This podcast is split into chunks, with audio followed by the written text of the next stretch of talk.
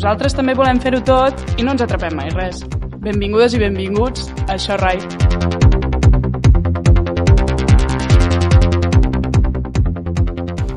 Hola, nosaltres som l'Alba l'Eulàlio i la Berta des de la distància i aquest és el 13è episodi de la segona temporada de Short Ride. Bueno, Bueno. segon episodi sense la Berta aquí presencialment. Essent estrany. Sí, es troba a faltar, però bueno.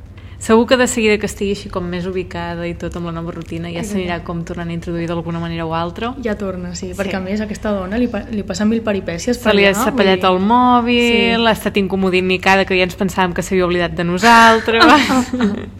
Show, eh? sí, Sort que va penjant stories als close friends perquè així ens entarem. exacte, exacte. Però bueno, avui aquí tenim... Aquí, de, bueno, de què parlarem avui? Exacte, aviam, ens situem.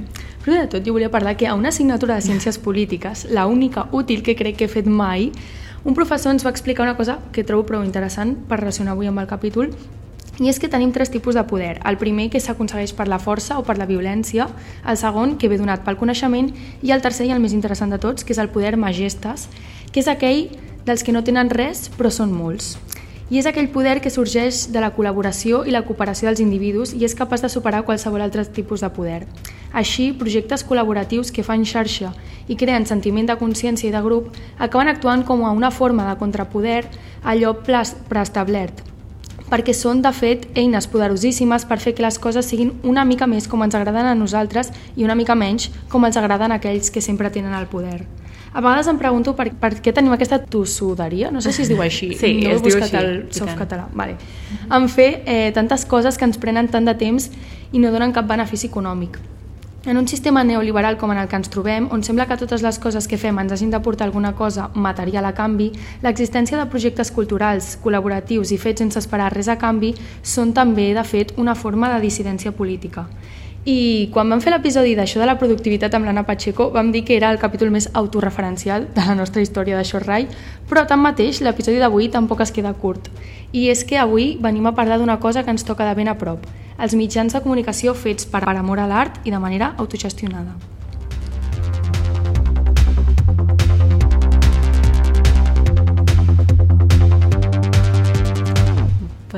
Quina entradeta de l'Alba. Estàs a tope, eh? Estem, estem a no, tope. No, molt fort, molt fort. Bueno, per parlar d'aquest temasso, uh, tenim aquí amb nosaltres la Berta i la Júlia, que ara es presentaran, que són de la tangent. I ara cito textualment una mica què és la tangent, perquè en parlarem d'aquí res, tampoc vull fer grans, grans spoilers, però diu, la tangent és una plataforma cultural i periodística participativa que neix de la inquietud de crear un mitjà de veus joves amb ganes d'expressar-se. Per tant, una mica autorreferencial sí que, Sí que sí que és, però això, Hola Berta, hola Júlia. Si us voleu presentar, dir alguna de vosaltres o el que voleu. Hola, jo sóc la Berta i ara entrant que comentàvem una mica que totes són periodistes, aquí, o amb les, tres, les quatre que estem, menys jo, que per exemple he fet antropologia i de fet a la tangent com sí que neix una mica d'inquietuds periodístiques de la Júlia que ara explicarà, però la resta en veritat no venim d'aquest món, però sí que venim del món de les humanitats o així, i va ser com una mica la idea de, vale, tenim tot aquest coneixement que ens ha donat l'acadèmia, que ens ha ensenyat a escriure, ens ha ensenyat a... Bueno, al final ens ha donat moltes eines, doncs, poder fer alguna cosa que surti d'allà i al final que era alguna cosa col·laborativa, autogestionada, etc. I la tangent va sortir una mica d'això. Bueno, ho ha explicat superbé la Berta. jo sóc la Júlia, eh, sóc periodista, estic molt il·lusionada des d'aquí, amb, amb, amb vosaltres, amb això Rai, i, i bueno, com una miqueta mirar-nos al mirall, no? Perquè ara, ara comentàvem que, que, que els nostres projectes han nascut una miqueta igual, com amb molta il·lusió, pocs recursos econòmics, d'altres recursos molts, però recursos econòmics pocs, i moltes ganes i molta, molt de convenciment, sobretot. A tope. Doncs nosaltres també sempre volem fer una cosa distesa i sempre fem una pregunta graciosa que sempre feia Berta i ara m'ha tocat a mi fer-la. Llavors, era una mica que, bueno, quantes sou a la tangent i quins rols teniu cadascuna dins del grup? Rotllo, qui és la mm, que posa ordre quan cal? Qui és la més gracioseta? Sí, sempre hi ha la que acaba sent una mica més mm, de portar les coses clares, com la més... Després hi ha la més despistada... Sí. Nosaltres tenim rols, segur que vosaltres també en Exacte. teniu. nosaltres semblem que, sembla que siguem com 20 persones, eh, som 5, i crec que d'aquestes 5 la Berta és la persona més eh, productivista, li podríem dir. Sí, una mica. La que, quan, la que passa acte, la que si un punt s'està anant, diu dona cops a la taula i diu espavileu, que ens estem anant, no? Jo distorsiono bastant, però alhora també aportes com tota la part de...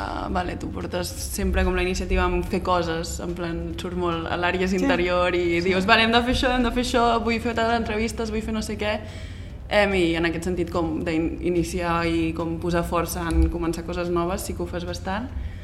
Teniu, ah, ja som cinc, hi ha una persona més que ara està ahí entrant, que es diu Oriol. Després, la Besa, jo, o sigui... quins rols.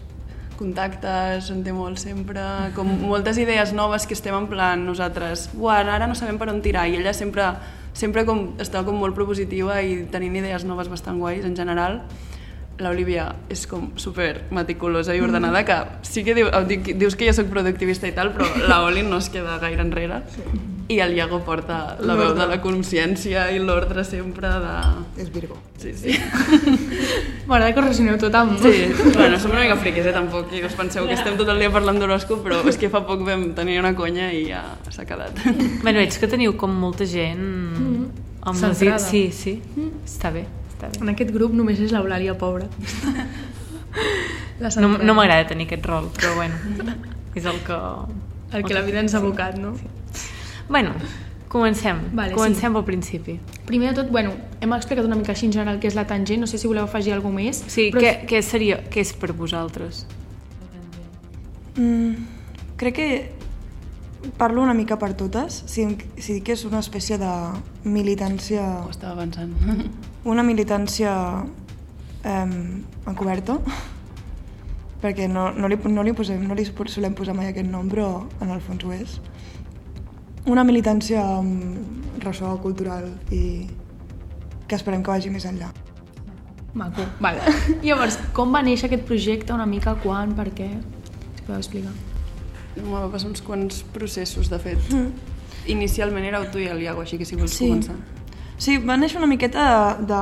Crec que devíem estar com a, a mitjans de carrera, com... Bueno, jo he estudiat periodisme i, el, i un altre noi va fer, estava fent eh, literatura i estàvem com vivint un moment de, de dir, vale, eh, tothom, o sigui, a la, a la carrera ens diuen que hauríem d'estar publicant a 35 mitjans i hauríem d'estar eh, sortint al carrer a buscar històries cada dia i no ho estem fent, ens estem sentint culpables, no, ningú ens obre portes.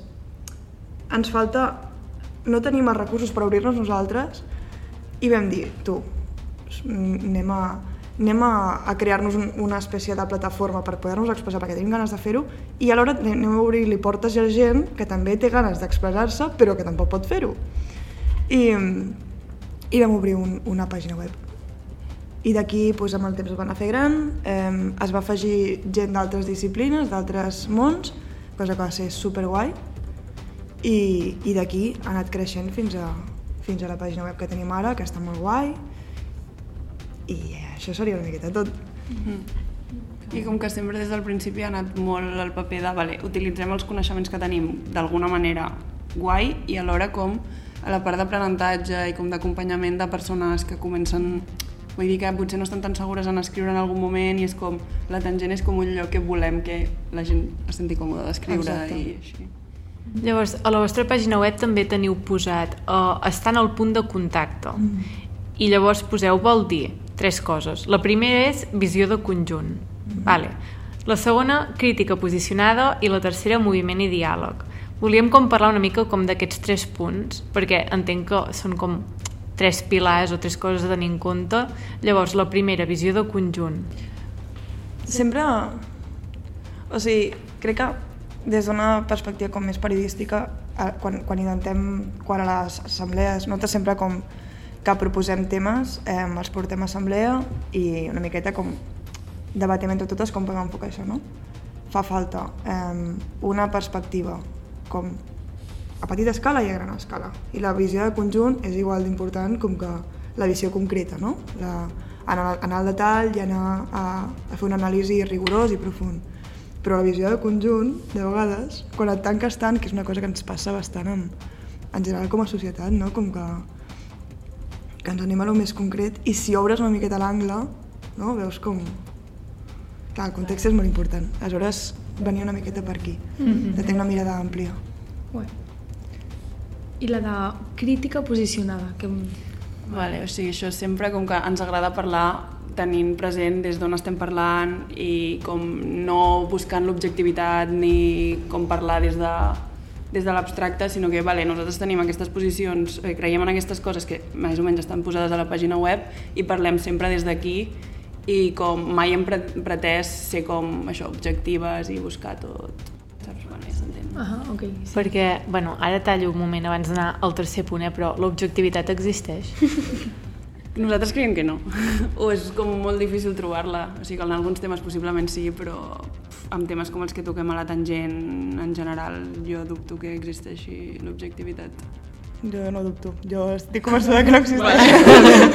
és com la, la carrera... O sigui, la pregunta que És la, es fa a primer sí, carrera. sí, és la de pregunta de periodisme, sí. Total. Vale, I ara sí, el tercer punt, moviment i diàleg. Em, crec que es basa simplement en el fet de, de que nosaltres no pretenem com... Sí, pretenem que la tangent sigui un punt de diàleg. És a dir, eh, buah, tinc una idea molt bona i no sé què fer-ne. Tinc, un- faig una miqueta un esbós, us el porto, vale, ens sentem. Què, què en penses d'això? Estic insegura, vale, anem a, treball, anem a treballar-ho, anem a, eh, a donar-li forma de manera que tu i, i jo, diguem-ne, traiem d'allò una, una idea com conjunta, que alhora a una altra persona doncs, li treu el pes de dir és la meva òpera prima, eh, estic super nerviosa, i per, la- per part nostra doncs, també com fem un contingut com més potent, no? I aquí, aquí vindria el diàleg, el diàleg és, és, és constant i és fonamental. I que alhora també coses que es publiquen, que de fet ja tenim un exemple d'un article que vam publicar en un moment que, vale, sí, que guai, publiquem això, estem segures, no sé què, però d'un cop publicat vam com rebre algunes crítiques o mm, alguns comentaris que ens van fer com dir ui, igual en algun punt, ara mateix eh, tenint aquesta nova visió, no acabem d'estar del tot segures i vam com intentar com fer alguna publicació amb algun comentari o algunes coses, o sigui, també el diàleg en el sentit de que no el que publiquem és com, vale, ja està, es queda així estàtic, sinó que també pot canviar si rebem alguna crítica o el que sigui. Mm -hmm. vale. Clar, perquè precisament això, aquest diàleg és una mica com el signe d'identitat de la tangent, entenc, perquè sou una plataforma participativa. Mm -hmm. Per què aposteu per aquest model participatiu i, i què vol dir això ben bé? Què implica? O sigui, participatiu i assembleari a nivell de que totes les decisions es prenen entre totes les que formem part de, de la tangent, però també entre les persones que potser no formen part directament de l'assemblea en si, però que publiquen i que no és com que publiquen i ja està, sinó que, vull dir, en el moment de correcció, no, de, com li diem, la producció, hi ha sempre un diàleg entre la persona de la tangent i la persona que està escrivint per estar com participant i en diàleg tota l'estona. I tam ara també parlàvem una mica Uh, bueno, és que no recordo si ho parlàvem. Abans de començar a gravar o ja havíem començat a gravar. Però bueno, que um, a la Tangent també és un projecte que el, bueno, que el mouen bastant les conviccions. Per tant entenem que no és un projecte amb el que pugueu pagar el lloguer, les factures o el que representa que hagueu de pagar. Per tant, com seguiu amb això? Vull dir, avantatges i inconvenients de que ho feu per les vostres conviccions ser deficitàries en primer. sí, de moment, el nostre objectiu, abans de tenir cap mena de, o sigui, de remuneració, que, que puguem guanyar alguna cosa, que és algo que no tanquem i que de fet, bueno, crec que hi havia alguna pregunta no, que, que tampoc vull fer spoilers ara, però com sí que a llarg termini ens molaria almenys com poder treure alguna cosa. Però ara de moment és com, vale, no perdre diners almenys. Sí, estaria bastant bé. I, i què us aporta? Bueno, és el que hem dit abans, com el fet d'entendre-ho com una... O sigui, tu quan milites a algun lloc no milites per tenir un benefici individual, diguem-ne, sinó perquè creus mm, políticament amb, amb, amb això. És a dir, mm, la tangent esperem que doni més del que ens dona a nosaltres. Esperem. Sí. A nosaltres ens dona moltíssim, però esperem que doni més a, a, al seu públic a nivell de, de que estem creant discurs i que creem contingut que, que esperem que mogui alguna cosa. Però creieu que hem arribat com, com a un punt en què la majoria de contingut crític o una mica transgressor és fet per amor a l'art? O sigui, projectes com el nostre i tants d'altres. Fins a quin punt això és perillós, que, que ens trobem en aquest punt, si creieu que ens trobem en aquest punt? Sí que és bastant així, jo crec, no? I com amb temes artístics sempre s'ha vist molt com eh, les persones que creen contingut com reivindicant sempre de que molt bé, o sigui, no, no ho faig tot per, com es diu, per vocació i perquè sóc superartista i perquè no sé què, o sigui, al, fi, al final també ho faig perquè vull guanyar diners amb això i com no fer com totes les coses aquestes per amor a l'art sí que crec que en part pot tenir algun perill però alhora, bueno, no ho sé, és que tinc, tinc dubtes, eh? perquè és com, a l'hora remunerar-ho tot, bueno, no ho sé. No... Jo també tinc dubtes. Sí, no sé, crec que de vegades es deslegitima si demanem, o sigui, com tot el, el rotllo aquest de la vocació, fa que, o sigui, si tu tens tanta vocació, no demanaràs diners a canvi de res, no? Llavors, quan demanes diners és com que no, és, no tens tanta vocació i no t'estimes tant el que estàs fent, no? Això passa molt amb, amb les artistes. Um, I crec que una mica ens passa el mateix a nosaltres. Si és perillós, sempre, jo entenc que sempre és, o sigui, en tant que és un sistema capitalista és perillós. I que socialment tot el que és relacionat amb la cultura està menys valorat i com costa menys ai, costa més donar-li importància i per tant que es, es valori d'alguna forma. Però clar, potser també hi ha tants projectes que són d'aquesta manera perquè no hi ha cap altra alternativa, vull dir. Abans ho parlàvem, tant vosaltres com nosaltres, quan vam decidir començar això, va ser, bueno, no tenim cap mena d'ajuda no, ni perspectiva de tenir-ne, per tant ho comencem pel nostre compte i pel nostre compte acaba sent ja d'aquesta manera, no? Sí. De fet, per això fa poc que ens vam mig constituir, bueno, estem en procés de constituir-nos com a associació, perquè vam tenir dilemes no també de, vale, això alhora et permet com accedir a subvencions i a coses que et permet tenir més diners, mm -hmm. però alhora igual si accedeixes a alguna d'aquestes coses hem perdut una mica d'aquesta llibertat de que ser totalment autogestionat doncs pots fer literalment el que vulguis però bueno, nosaltres vam escollir ja començar diguem, a, no? a ser una associació i a veure on, on, on acabem però Clar, bueno, és que al final, vull dir, tenir un recolzament, no, en plan, d'alguna manera, sí. mm, és important. Sí, però, bueno, com intentar trobar un equilibri, no? Mm, sí, és complex, eh? O sigui, nosaltres, o sigui, jo crec que tots els projectes d'aquest tipus, al final, tens com aquest debat, no? Però, bueno, Val, llavors, ens volíem centrar una mica també, bueno, vosaltres evidentment sou un mitjà periodístic, cultural, que aposteu per un periodisme a foc lent. Llavors, eh, com podem fer perquè continguts com aquest, així treballats, lents, tinguin cabuda dins d'aquesta societat de, de la immediatesa? Complicat. Gran pregunta.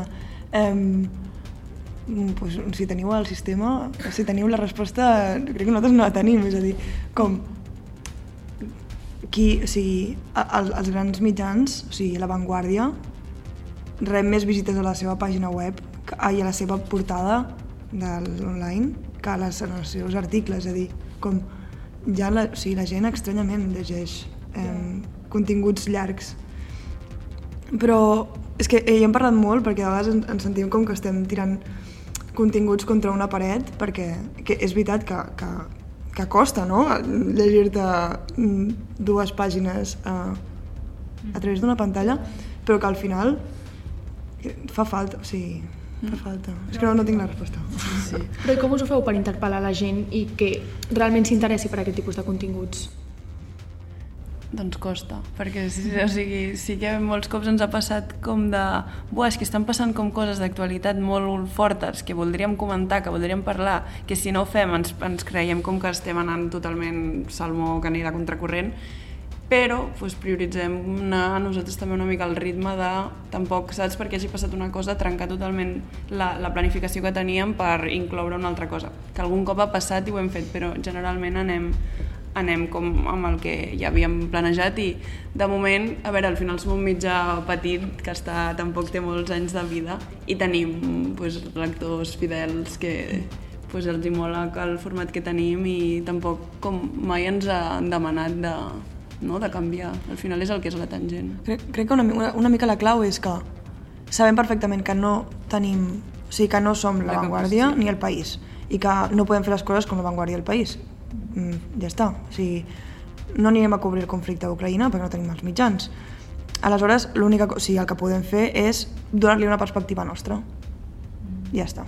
I aquesta és la manera que tenim d'interpel·lar a la gent perquè llegeixi el nostre contingut. Perquè, clar, si féssiu uns continguts potser com més ràpids, més punyents, sí que seria com més fàcil captar lectors, però creieu que de la manera com tracteu els temes vosaltres mm, la millor manera és fer-ho així d'una manera de, vale, cinc claus per no sé què, o d'una manera super esquemàtica, super ràpida?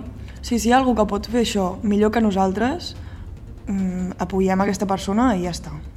Si nosaltres no ho podem fer perquè no tenim els mitjans, perquè això requereix molta dedicació, moltíssim temps i molts recursos que nosaltres no tenim. Doncs eh, nosaltres podrem fer una altra cosa i donarem totalment el recolzament a la persona que hagi fet les cinc claus per això. Si realment el contingut creiem que s'alinea. Sí, va arribar com el moment que vam assumir que al final no tenia cap mena de sentit posar-nos a competir en el bon sentit de la paraula, però amb mitjans tipus La Directa o tipus Jardí o jo que sé, altres d'aquests que no són tant com La Vanguardia del País, però que tenen molts més recursos, que tenen gent que es dedica a això. És que nosaltres al final tenim estudis, feina a part i no podem estar cobrint l'actualitat. Perquè és veritat, vull dir, clar, per exemple, si ja existeixen altres mitjans que dieu que us sembla una mica, quin és el nínxol que creieu que faltava i per això veu com iniciar el vostre projecte?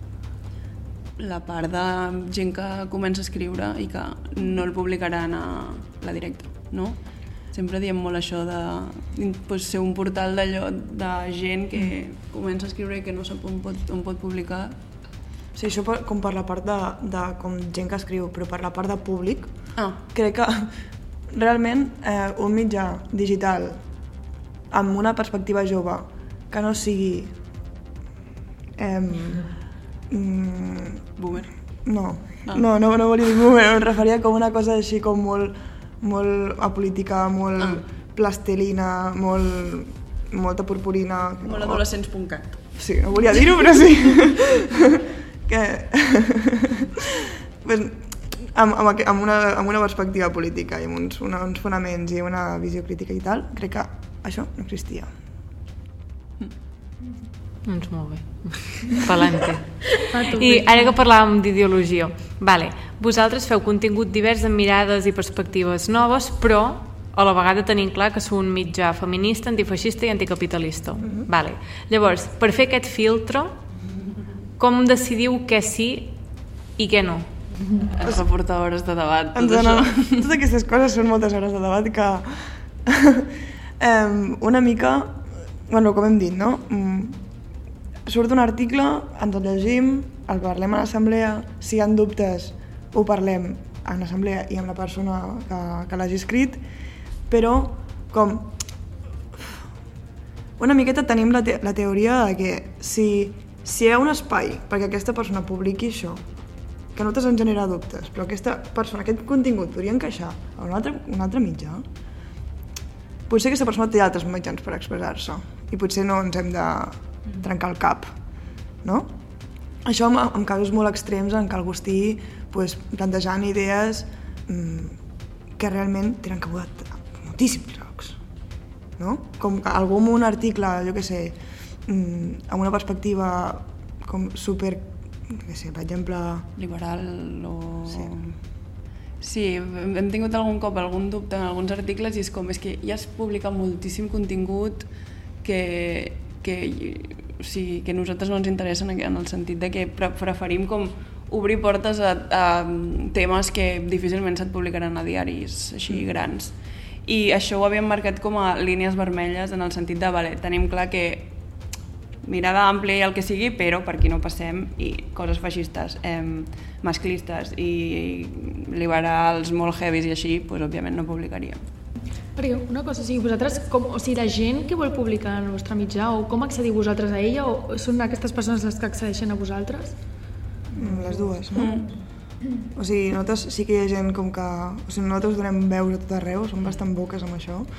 I uh, hi ha gent que... O sigui, en general, crec que la, encara generem una mica de distància, que és una cosa que estem intentant treballar. És a dir, com que la, crec que la gent no...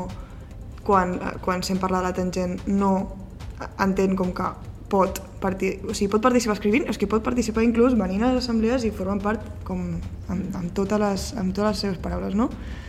I, i pot fer-ho, mm. o sigui, no té cap tipus de barrera. Mm.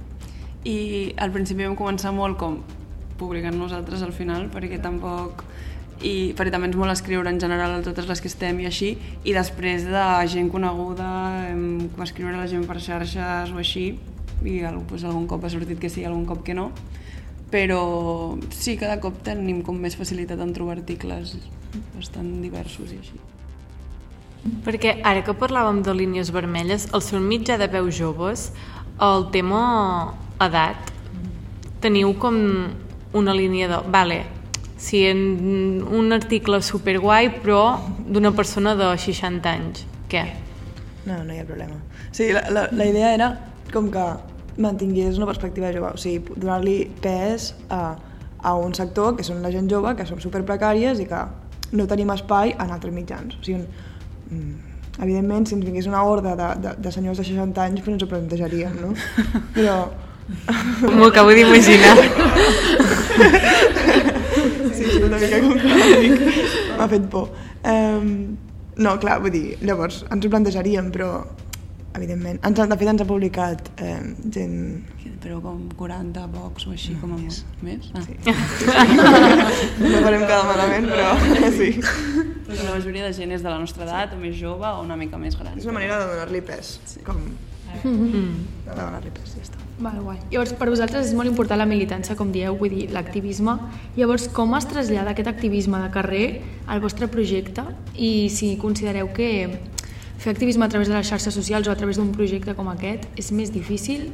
O sigui, com que el contingut que publiquem al final no és d'actualitat, en el sentit de que si surt alguna cosa diguem-ne a peu de carrer que s'hagi, bueno, que es comenci a publicar per llocs i així, nosaltres com que no tenim les eines per fer-ho no ho fem, però sí que intentem com a nivell de xarxa doncs, compartir el màxim de coses que s'han publicat o que fins a tuits o el que sigui com de contingut que ens sembla interessant i retuitejar-lo i així també intentem crear contingut per allà una mica que ja que és, és com més fàcil i no és tan elaborat com fer un article i després, doncs, també com ha dit abans la Júlia, d'intentar donar-li la volta de la nostra manera a alguns temes que ja com s'han publicat a nivell actualitat, però nosaltres com de, després d'uns dies que hagin passat, doncs donar-li un altre enfoc o així, i també és alguna manera de, no de parlar dels temes que estan passant. A veure, com també és, és, és, eh, perdó, és inevitable que si vivim, o sigui, si fem vida, jo que sé, al nostre barri, si estem freqüentant pues, els moviments polítics o el que sigui, això ens cali la nostra manera de treballar, ens, o sigui, ens cali a l'hora de plantejar-nos certs debats, ens, ens cali a l'hora de triar un tema i no un altre. No? O sigui, si ho també ho deu haver, ho, també ho deveu haver vist vosaltres, no? Eh, al final no som bombolles, no? El nostre context ens afecta.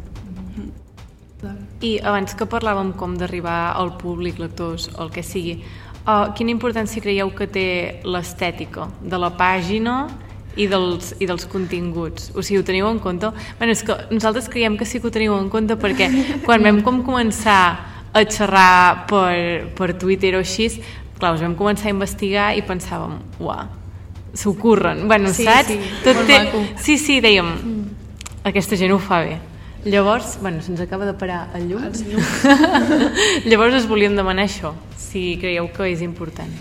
Vols que comenci jo? és que sóc com una mica hater de... O sigui, en plan conya, eh? Ja tinc com aquest paper a la tangent de va, a mi m'és igual l'estètica, només ens importa el contingut, però òbviament no és veritat. I de fet la Júlia i el Iago són molt com en, o sigui, en aquest sentit li donen molta i molta importància i és molt guai. I jo en el fons estic 100% d'acord. Però era per explicar una anècdota. A l'inici com que estàvem creant el logo i com una mica l'estètica de la pàgina web i així ens vam passar, jo què sé, un matí sencer mirant paletes de colors i fent combinacions i, i com... Va sí, va ser molt horrible. I jo me'n recordo que em volia morir, estava en plan uf, no, si us plau, no més colors. Però després, o sigui, sí que li veig la, la importància i sí que ho intentem treballar, treballar una mica. No sé si ho aconseguim molt o què, però... O sigui, com, com tota la tangent, va ser una miqueta, anem a jugar a ser mm, dinadores gràfiques Graphic i, design i no is my aconseguir-ho passion. i no aconseguir-ho gens. Però, però bueno, o sigui, teníem referents xulos. També abuseu del Canva? No, no. no. Ah, perquè, No, nosaltres, nosaltres perquè nosaltres sí. No tenim res en contra del Canva, però no l'utilitzem. No, perquè com que tu saps fer l'InDesign i aquestes coses de Ah, Ojo, eh? Però jo sóc Team Canva, eh? Perquè no en tinc ni idea. És que clar, per als, per als ineptes així Sí. sí. de, de va superbé el Canva. No, no, 100% a favor del Canva. No, molt a tope. Però no, o sigui, cuidem, intentem cuidar l'estètica mm, mm, bueno, per intentar jugar a ser dissenyadores gràfiques, que no ho som. Molt ben fet. Però creieu que ajuda a que cali el contingut més? O que és com un reclam? M més que res, com que sen també se'ns identifiqui amb, un, amb uns colors o amb, una, amb, una, se- amb uns detalls gràfics o el que sigui. Des d'aquí també fer una crida a, a dissenyadores gràfiques de Catalunya que, Voleu canviar el logo? que ens vulguin donar el seu punt de No t'agrada el logo de la tangent? A mi m'és bastant igual, però a molta gent de dins la tangent, no diré qui, no li mola No li gaire. mola? Ostres, Vaja. vaja. Acabem de fer una... Hi haurà una escissió. Però jo crec que sí que és molt important l'estètica en la difusió dels continguts, etc. És molt, molt important. Ui, perdó. És que estava intentant buscar el logo de la Us, vol, tangent us volia estalquejar i s'ha... I s'ha... M'he perdut, m'he perdut. I s'ha ah, perdut. bueno, escolta, està bé, és macot. Sí, sí, sí, sí a mi m'agrada, però... Però no tothom, eh? No tothom. Ja no sap de qui parlo. Val. Llavors, una mica recollint com tot el que hem anat parlant i tal, amb, clar, plataformes com la vostra, que estan fetes des d'una mirada poc convencional i poc mainstream, com si diguem, um, sovint no tenen espai, no? Espai mediàtic. Llavors, quines eines tenim com per donar-los espai a, a projectes com el vostre i si creieu que les xarxes socials ajuden a donar espai a, aquest, a aquests, bueno, aquests projectes? En, en això crec que és, mo és molt xulo eh, donar-nos com veure com la, soli la solidaritat que hi ha amb altres projectes com, com amb el vostre, o sigui, amb això Rai, com ens vam veure com per xarxes va ser, vale, anem a donar feedback com a aquesta gent perquè al final eh, això, evidentment tenim zero plataforma, tenim zero diners per pagar publicitat, tenim molt pocs mitjans, o sigui, amb prou feines paguem per posar cart o sigui, tenim cartells perquè ens llegeixin les veïnes, saps? I, i com la, crec que l'eina principal és donar-nos suport entre, entre projectes. Ja està. I les xarxes ajuden molt. Bueno, al final nosaltres ens vam conèixer per allà. No, És que- no sé molt com. És que, de fet, és el que anava a dir, o sigui, crear com, un, com una xarxa. Nosaltres de cop un dia vam veure, ai, mira, la tangent ens, ha fe, ens fa molts retuits, no sé què, no sé què. Vam començar a mirar, vam dir, uah, doncs que guai això. I vam començar també nosaltres i al final, doncs mira, ara estem fent un episodi, saps? Vull dir. eh? Bueno, i en breus eh, se viene article... Deixar res a la tangent. Ah, exactament. Sí, sí. No, no, molt guai. Mm. I, vale, així una mica com, com per acabar, potser és una pregunta una mica fumasso, ara que me l'estic tornant a llegir, però, um, o sigui, creieu que actualment perquè hi hagi una transformació social, aquesta transformació ha de passar per internet? O sigui, ha de tenir lloc a les xarxes? O, o sigui, o us, podríeu, o us podríeu imaginar que hi estés havent una transformació social a nivell de societat, però que les xarxes no s'estigués fent ressò de res d'això. Jo crec que una cosa va molt lligada. O sigui, al final les xarxes socials formen part de la societat i si socialment s'està donant un canvi, eh, les xarxes formaran part d'alguna manera o altra segur. Jo crec que són una eina molt important ara mateix que ajuda en la transformació social i com ni la transformació social es donarà com fora de la xarxa 100% ni les xarxes socials per si soles ens donaran em, la transformació social, sinó que les dues han d'anar super de la mà. De fer aquesta pregunta tenia una antropòloga. Ara ho estic pensant. Tot està planejat ja. Sí, sí, estic d'acord. Estic d'acord. No, no sé... M'ha vingut al cap com, no sé, en altres contextos on potser les, les xarxes socials no estan tan presents, però crec que en el nostre mm, context occidental, etc., eh, jo no em puc imaginar un, ca, eh, cap tipus de canvi, o sigui, cap tipus de- d'acció social rellevant sense que hi hagi xarxes socials al voltant. No sé si motivat o, o sigui, com fruit de o acompanyat, però no m'ho puc imaginar. Clar. No, i a més la nostra generació, vull dir que literalment Exacte. és que encara, encara més, vull dir, ens hem criat amb això.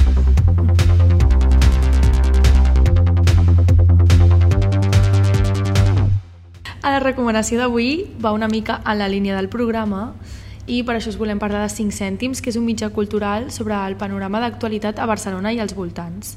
i bàsic- bàsicament es tracta d'un compte d'Instagram i de Twitter que va néixer just farà un any i que té l'objectiu de servir com d'agenda a tota mena de propostes culturals, sovint emergents i poc visibilitzades.